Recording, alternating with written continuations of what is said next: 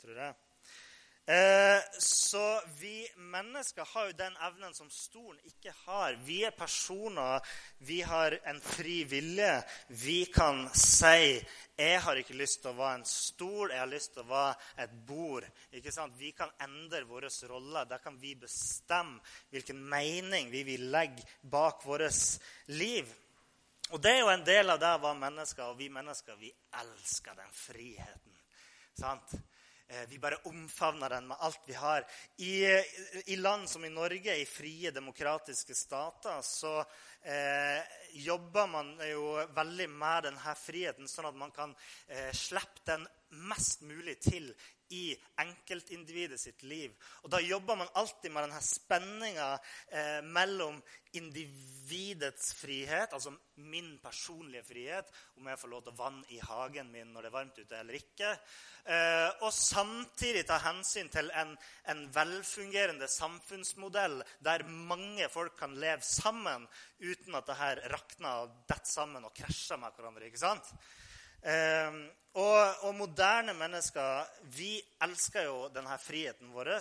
Eh, og, og, den kjemper vi jo eh, veldig for. Det er jo sånn at lovverket vårt eh, stadig på en måte utfordres av den tanken om frihet. Når mennesker oppdager et nytt område, f.eks. teknologisk utvikling, så ser vi her har vi en ny valgmulighet. Hvordan kan vi gi størst mulig rom for at vi kan bruke vår frihet med denne nye teknologien? ikke sant? Eh, og, sånn at vi strekker alltid lovverket for å tilpasse vårt eh, utfoldelsesrom eller handlingsrom som enkeltindivid.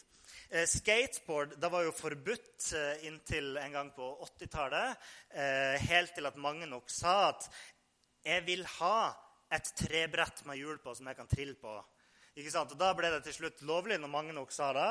Eh, og Segway, altså en sånn ståhjuling, den var jo forbudt helt til mange nok folk klagde og sa ja, men jeg vil ha en sånn plate jeg kan stå med meg hjul, så jeg slipper å bruke energi på å gå. sant? Og, eh, og, du har jo andre eksempel, sånn som Vannscooteren var jo forbudt helt til mange nok folk sa ja, men jeg har lyst til å kjøre snøscooter på vann. Og så ble jo den lov, lovlig. ikke sant? Eh, så, så, man har eh, mange eksempler. Dette er jo eh, veldig enkle og banale eksempler. Men, men det viser hvordan sånne her tilsynelatende ubetydelige hindringer for vår frihet kan bety så mye at man er villig til å kjempe for ei treplate med hjul eller en vannscooter og sånne type ting. Friheten vår er så viktig for oss. Og I dag så sa jeg det, det var et, et ørlite grann eh, av motvilje fra min side for å snakke om den teksten jeg skal snakke om i dag, i Jeremia 18, om eh, pottemakeren og leira. Fordi eh, den handler om Guds allmakt eh, og vår eh, liksom, maktesløshet. Og folk eh, liker ikke å høre at våre skjebner ligger i noen andre sine hender. Jeg tror ingen i det moderne Norge liker tanken ved at noen eh, har så mye makt at de bestemmer over det, over ditt individ og din skjebne. Fordi vi vil ha kontroll i våre egne liv. Eh, men i møte med Bibelen så anerkjenner man at eh, det er ei utfordring å tro at jeg har all makt til å styre hvor livet mitt skal gå, og hvilken utgang jeg skal få i livet. Og jeg har jo en tendens, og dette var en av de tingene som gjorde at jeg hadde en ørlite grann motvilje til å ta på meg dette verset. her. Jeg har en tendens til å kaste meg veldig dypt ned i filosofiske og teologiske spørsmål og bruke masse tid på det, og så, og så slite litt med meg sjøl. Og, eh, og det gjorde jeg jo her. Eh, jeg følte at Gud sa den der teksten skal du ta, og da begynte jeg ok, men her gjenkjenner jeg mange vanskelige problemstillinger som folk har holdt på med i tusenvis av år. ikke sant? Og og, jeg tenkte i denne teksten så finner vi jo òg uttrykt eh, hvor stor Gud egentlig er i forhold til oss. En allmektig Gud, en skapergud. Han holder hele verden i sin hånd. Uten han er vi ingenting. Eh, så jeg ga meg i kast med å lese meg opp på læren om predestinasjon. hvis dere har hørt om det, og Spørsmål om vår frie vilje i forhold til Guds allmakt. Og, og plutselig så følte jeg meg litt over, over, overvelda, for det fins så mye eh, synspunkter i disse tingene her. Både pga. kompleksiteten i temaene, men òg pga. oppgaven å skulle kunne formidle her tingene til slutt og få dem ned på et papir og så dele med dere på en god måte. Dess mer jeg studerte, dess mer ble jeg sikker i mitt eget standpunkt i de her eh, spørsmålene. Men samtidig ble jeg mer og mer usikker på hvordan skal jeg legge dette temaet fram for dere. Nå prater jeg veldig mye om det. Men, men da kom jeg over en teolog som heter Brett Davies, en amerikaner eh, som hadde jobba med akkurat denne samme teksten her i en preken som han holdt. Og han, hadde, han var nok litt lik med Akkurat de samme problemene med å kaste seg ned i de dype spørsmålene og grave seg liksom ned. Eh, men så sa han, eh, og han kom fram til det var ikke det som var viktig, han sa Bibelens dypeste mening er ikke å kaste oss ut i, en metafysisk labyrint som vi skal mestre, eller gi oss filosofiske gåter som vi skal løse. Bibelens dypeste mening er å åpenbare Guds hjerte. Det er å fortelle oss hvem Gud er. Eh, og det syns jeg var veldig oppmuntrende, for da letta mye fra mitt hjerte. Ikke var så opptatt av de her tullete tingene som du syns er interessant, men prøve å finne Gud i det her. ikke sant? Eh, så jeg håper at den teksten skal belyse mer av hvem Gud er, og hva han betyr for oss. Jeg har jo også sagt det før at i våre prekener når dere kommer hit, så kommer vi ikke til å prøve å besvare alle livets spørsmål. Og vi kommer ikke til å gi eh, en fullstendig tolkning av et bibelvers, eller sånn, sånn at man går hjem og så, og så man, er man tom for spørsmål. Men vi prøver liksom å gi dere et rammeverk for å forstå Bibelen, for å forstå Gud, og så gir dere akkurat nok til at dere går hjem og tenker over det etterpå. Sant? Så vi skal lese litt fra Jeremia kapittel 18. Og Dette er jo en tekst der man møter denne profeten Jeremia. Han står jo som et sendebud fra Gud i en tid der eh, landet han bor i, og folket han er en del av i Israel, eh, sliter med eh, har kommet bort fra Gud. Det er veldig mye korrupsjon, det er eh, mye umoral, det er klasseskille og, og, mange sånne ting som følger når et samfunn begynner å gå mot randen av forfall. Eh, og da står det En dag så får Jeremia et budskap fra Gud som er litt annerledes. Han som profet går jo ofte ut blant folk, og så får han et budskap fra Gud som han da deler med folket. Men her så får han et litt annerledes budskap. Vi leser fra vers 1 til 6. Dette ordet kom til Jeremia fra Herren. Stå opp og gå ned til pottemakerens hus. Der skal jeg la deg få høre mine ord. Så gikk jeg ned til pottemakerens hus. Han sto og arbeidet ved dreieskiven. Når karene holdt på å lage av leire, ble mislykket i pottemakerens hånd, laget han det til et annet kar, slik han syntes det var riktig. Da kom Herrens ord til meg. Israels hus, kan ikke jeg gjøre med dere slik denne pottemakeren gjør med leiren? Eh, sier Herren. Se, som leiren er i pottemakerens hånd, slik er dere i min hånd, Israels hus. Det som er litt annerledes, er jo da at Jeremia eh, får beskjed om å bare gå ned til denne pottemakeren en helt alminnelig, hverdagslig ting de drev med i byen der, lage potter. Og så får han beskjed til å gå ned der når det er liksom så mye annet som foregår i, i landet og i byen hans som han kan ta tak i, liksom. Eh, han hadde jo en plan med det her.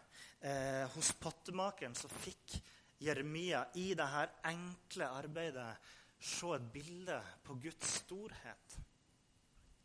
Og det er som i denne filmen eh, 'Karate Kid'. Er det noen som har sett uh, 'Karate Kid'? Ja.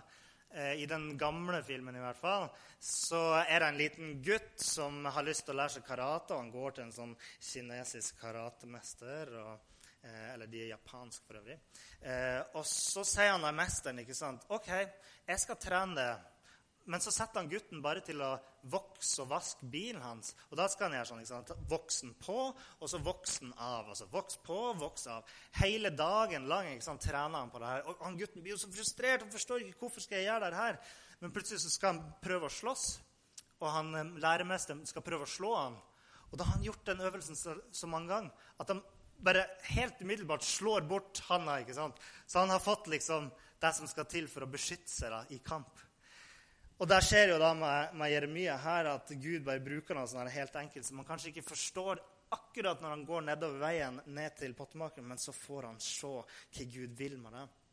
Og Gud han sier det at menneskene er som leira i pottemakerens hånd. Og pottemakeren er eh, et bilde på Gud. Han er skaperen, og vi er det skapte. Eh, så da blir jo alt klart for Jeremia. Hva var det han egentlig sto og så på? Og så står det videre.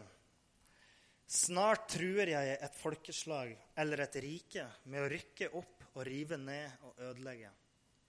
Men dersom det folket jeg har truet, vender om fra ondskapen sin, da angrer jeg eh, på det onde som jeg hadde tenkt å gjøre mot det. Snart lover jeg et rike å bygge og plante. Men dersom de gjør det som er ondt i mine øyne, og ikke hører på min røst, angrer jeg på det gode jeg hadde tenkt å gjøre mot dem. Og nå, si til mennene i Juda og dem som bor i Jerusalem.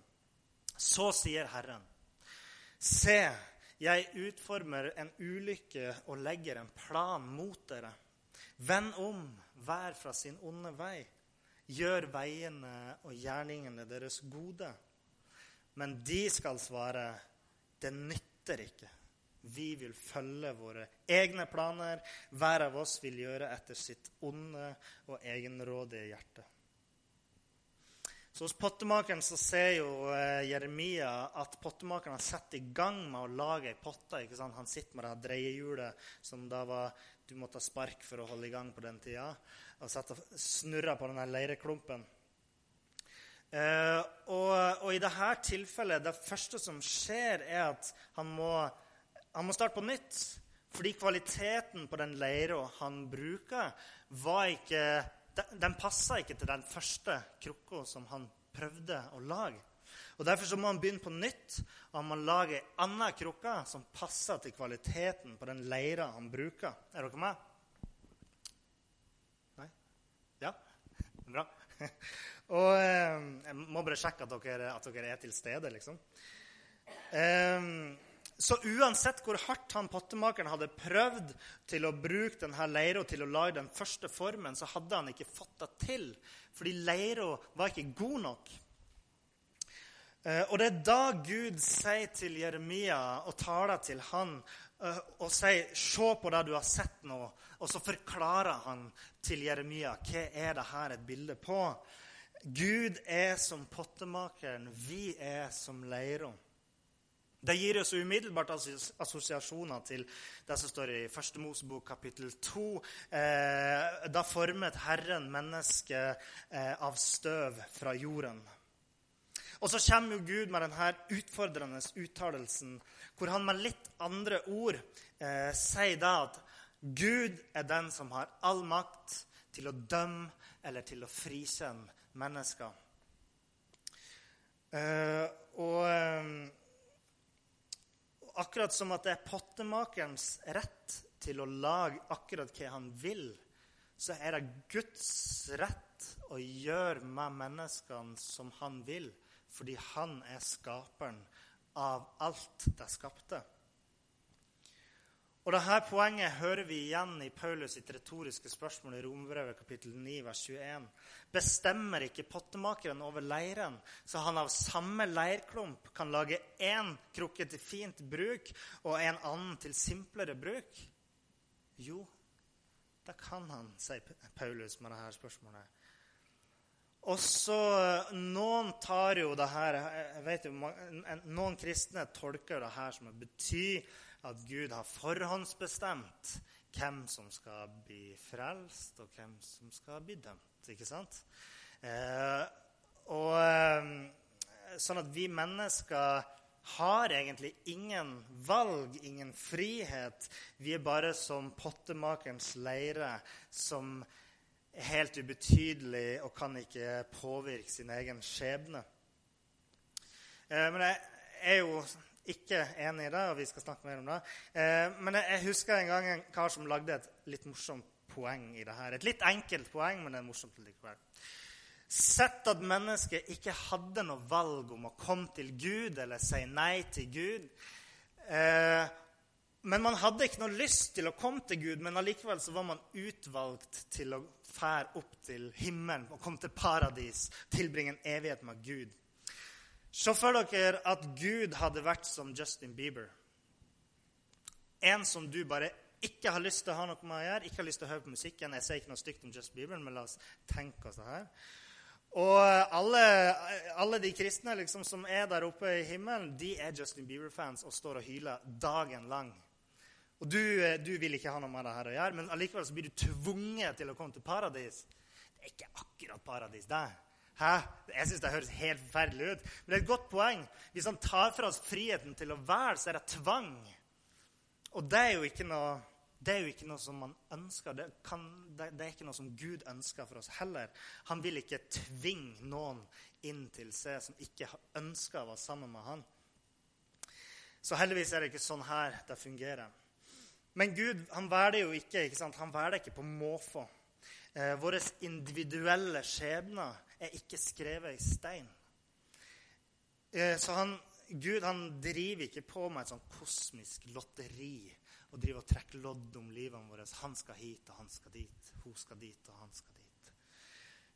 Men det som er skrevet i stein, og som vi ikke har noe påvirkning på, er at Gud vil enten dømme oss eller frikjenne oss.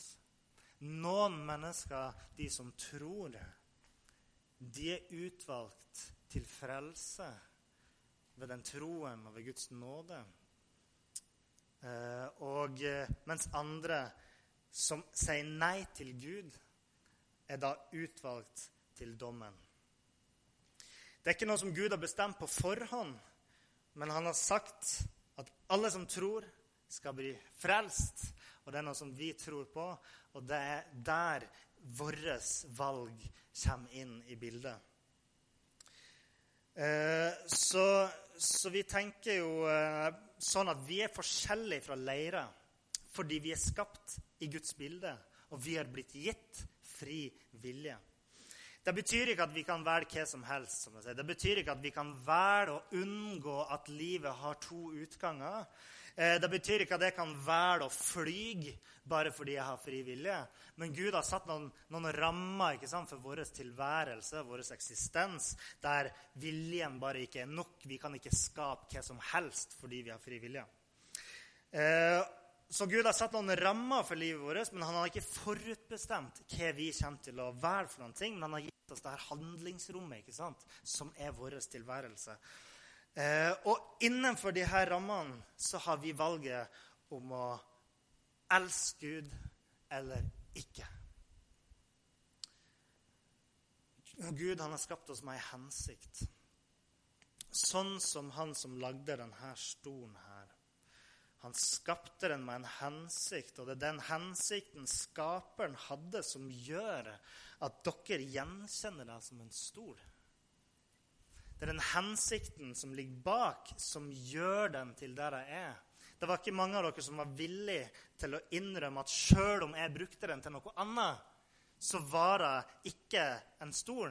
De fleste sa ja, det er fortsatt en stol. Det er jo en stol uansett hva du gjør med den. ikke sant? Og Gud har jo eh, skapt oss mennesker med en hensikt. Eh, og hvis stolen hadde kunnet sagt til meg når jeg satt meg på den Hei, jeg er et bord, ikke en stol. Da hadde den tatt feil og bomma på sin hensikt. Og det er klart, Stolen kan brukes på mange forskjellige måter. Man kan stable dem og bruke dem som stige, eh, selv det ikke er så trygt nødvendigvis. Eh, men som Paulus sier, kan håndverket si til håndverkeren 'Hvorfor gjorde du meg slik?' Nei. Gud har skapt oss med en mening. Vi som mennesker er forskjellige fra stolen. Vi har muligheten til å styre vekk fra den meninga som Gud har gitt oss som mennesker. Og det er grunnen til at Gud kommer til Jeremia og gir han dette bildet og sier snart truer jeg et folkeslag eller et rike med å rykke opp, rive ned og ødelegge. Men dersom, dersom det folket jeg har truet, vender om fra ondskapen sin, da angrer jeg på det onde som jeg hadde tenkt å gjøre mot det.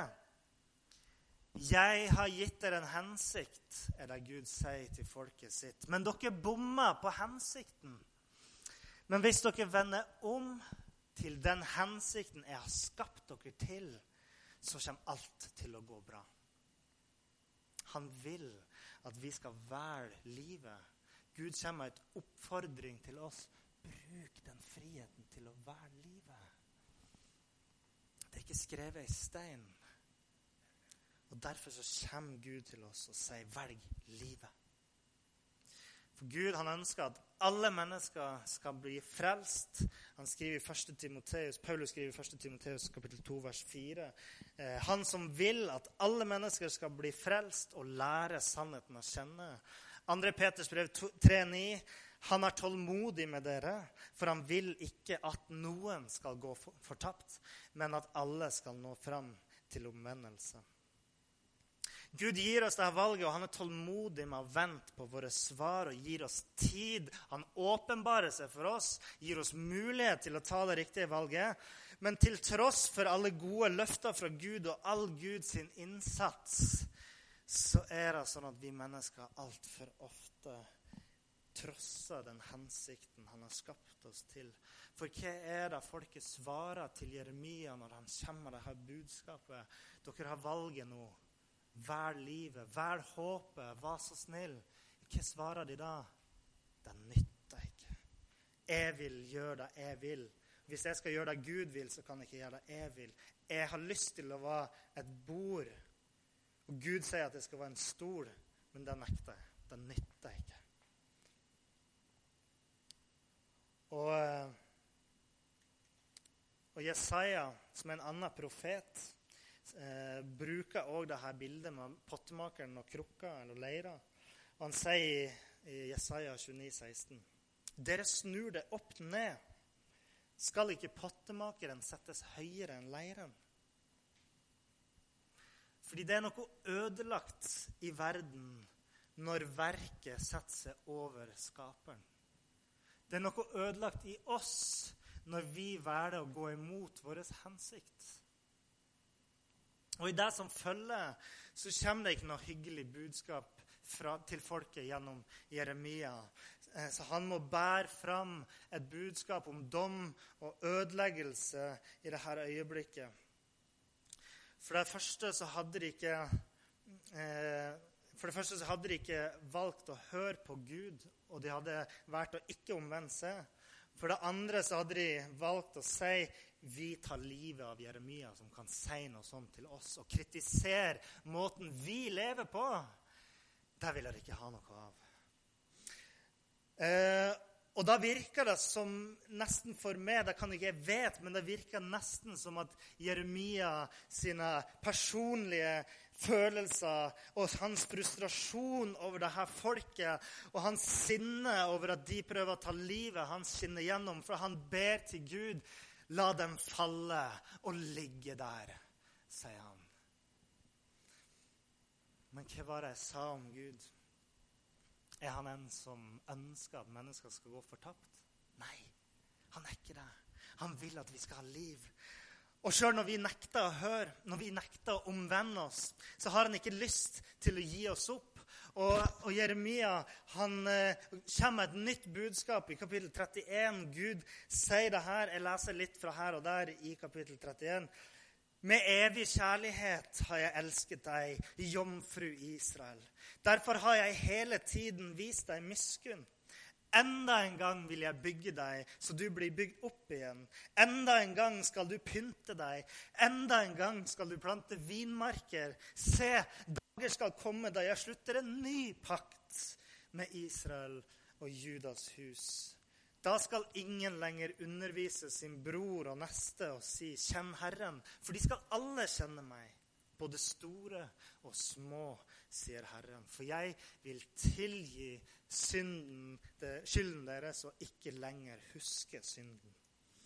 En ny pakt der synden tilgis. Her avslører Gud sitt virkelige jeg. Uansett hva dere velger, så ønsker jeg å gi dere livet i gave. En ny pakt. Her eh, spiller det ingen rolle om man har den riktige filosofiske eller teologiske tolkninga av alle de vanskeligste spørsmål eh, Bibelen kan by på, men det er heller ikke poenget. Fordi poenget er, og det er kanskje det mest uforståelige av alt, at Gud er en Gud som viser oss nåde. Eh, som kommer oss i møte. Han var fri til å gjøre med oss som han sjøl ville. Men han, på grunn av hans person, på grunn av hans vesen, så gikk han inn for en løsning der vi kan gå fri. Og like uforståelig er det at Gud ble en del av den leira som ikke var god nok til å skape det der pottemakeren hadde lyst til å lage. Gud trengte en eller annen måte på å være rettferdig ved å gi en straff for alle de syndene som var begått, eh, for pakten som var brutt, og samtidig ikke la straffen gå utover meg og det. Og Derfor så kom Gud i Jesus Kristus og ble en del av menneskeheten. Han ble en del av den leira som gjorde at den leira som før ikke var god nok, og Jesus kom og blanda seg med den og gjorde den god nok og rensa den for all urenhet som gjorde at man ikke kunne forme den sånn som pottemakeren ville. Er dere med? Vi eh, var ikke gode nok. Vi har noe ødelagt i oss. Men Jesus gjenoppretta alt, sånn at vi kan få livet. Det er akkurat det her som setter vår forståelse av frihet på prøve. Vi liker å tro, vi elsker tanken på at vi har evnen, vi er i besittelse av eh, evnen til å kontrollere vår egen skjebne. Og vil ikke tenke på hva som skjer eh, hvis noen andre har den evnen. Eh, og jeg tror sjøl noen kristne kan tenke den tanken at å, så flink jeg har vært som valgte å tro på Gud. Så fin en person jeg var som sa ja til Jesus. Og man gir seg sjøl ære for det. Jeg tror at tanken om at det er Gud som har all ære, kan utfordre sjøl den frommeste kristen noen gang.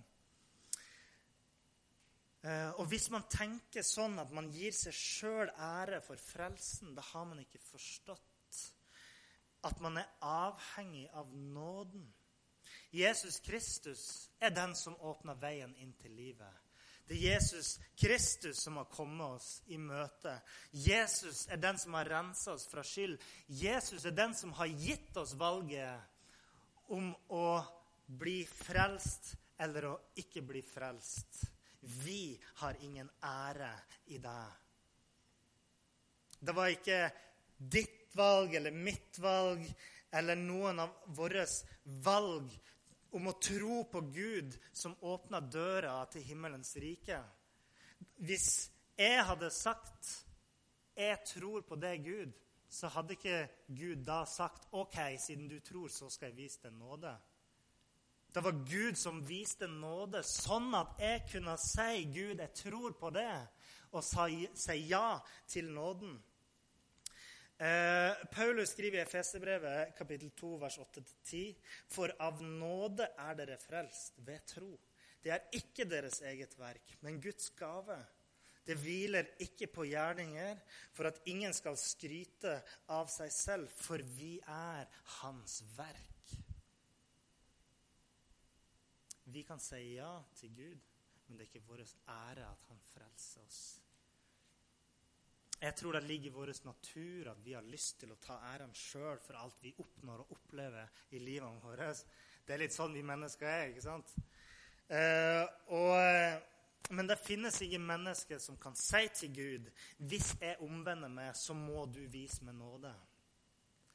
Hvis jeg omvender meg, da skal du tilgi min synd. Bare Gud kan si til mennesket eh, 'Jeg har nåde med den som omvender seg'. Det er andre veien. Guds nåde og velvilje er ingenting som vi oppnår, men det er en gave. Og den eneste grunnen til at vi kan velge å tro på Gud, er fordi han i sin kjærlighet strakk ut sine naglemerkede hender ned til verden, til meg og det, og holde oss i sin allmektige favn. Og det er i denne jeg sa at vi skulle lære noen ting om Gud. Og det er i denne ufortjente kjærligheten vi finner Guds hjerte og den han virkelig er. Så jeg snakka om denne stolen. da. Den står jo fortsatt her. Denne idélæren til Platon. Bak denne stolen fins det en idé som ikke vi ser, men som vi på en eller annen måte gjenkjenner, sa Platon. Håndverken hadde uansett, uansett hva Paulus, nei, Platon sier om denne idélæren, så hadde håndverken en idé bak denne stolen. Og jeg er ganske sikker på at han tenkte at det skulle være en stol. Kan hende jeg tar feil. Kan hende at det var noen som lagde den og tenkte det her er en bil. Så var han så fornøyd med seg sjøl. Kanskje ikke en bil, da, men ja. Eh, men håndverken hadde en mening, en hensikt med den tingen her. Den skulle ikke være en halv stol. Den skulle ikke være en uh, sidelengsstol. Den skulle ikke være en opp-ned-stol. Det skulle være en helt, helt ordinær stol. Sånn! Dette er hensikten. At man skal sette seg ned akkurat slik, og så slappe av, sånn som jeg gjør nå. Sant? De fleste er enig i det, eller? Hæ? Og det samme gjelder for oss mennesker. Vi ble skapt til å leve sammen med Gud. Vi er skapt med en hensikt på lik linje med den stolen. Bare til forskjell fra den så kan vi eh, bryte løs fra vår egentlige hensikt. Vi kan liksom brukes Vi kan være sjøl og bruke oss sjøl til noe annet enn det som er vår primærfunksjon som mennesker. Og det er å være sammen med Gud. Og vi mennesker sier altfor ofte som israelittene sa til Jeremia det nytter ikke. Jeg vil ikke gå dit du vil, Gud. Jeg ønsker å gjøre som jeg sjøl vil. Det nytter ikke. Altfor ofte hører vi mennesker si det her. Noash, sa de på hebraisk. Et ord med mye makt. Det nytter ikke. Noash. Og I dag så har du hørt om en Gud som eh, bare er god, og som bare har gode planer for det. Og jeg håper at den tanken om at, eh, at, at Gud er den her allmektige, men samtidig uendelig gode Guden, kan fjerne litt av den frykten vi har for å Da gikk sikringa, ja. Kan fjerne litt av den frykten vi har for å gi opp denne friheten som vi tror vi er i besittelse av. Og jeg håper at man kan be en bønn om at Gud skal hjelpe oss til å bli den han hadde lyst til å forme oss til. Og alt vi trenger å gjøre, er å si ja til den gaven som Gud har gitt. Da blir vi en del av de som er utvalgt til å arve Guds rike. skal vi be litt. Eh, himmelske Far, jeg bare takker deg for at, eh, at i dine skaperhender så finner vi hvile og trygghet. Takker deg for at hos det så kan vi finne den meninga du som skaper hadde for oss. Og jeg ber Far om at du skal hjelpe oss å alltid huske at all ære tilhører det. Du er som pottemakeren, og vi er som leira, Herre. Jeg ber om at du skal velsigne oss med den forståelsen i våre hjerter. Jeg ber òg for de som kanskje ikke har hørt det her før, eller som, som eh, opplever å, å, se noe nytt i deg, Gud. Jeg bare ber om at du skal åpne deres hjerte for det. La de se hvem du egentlig er. La, hjelp dem til å se forbi de her teologiske og filosofiske spørsmålene som kan stå som ei sperre for oss mennesker. Men la menneskene se hvem du er, og at du elsker dem.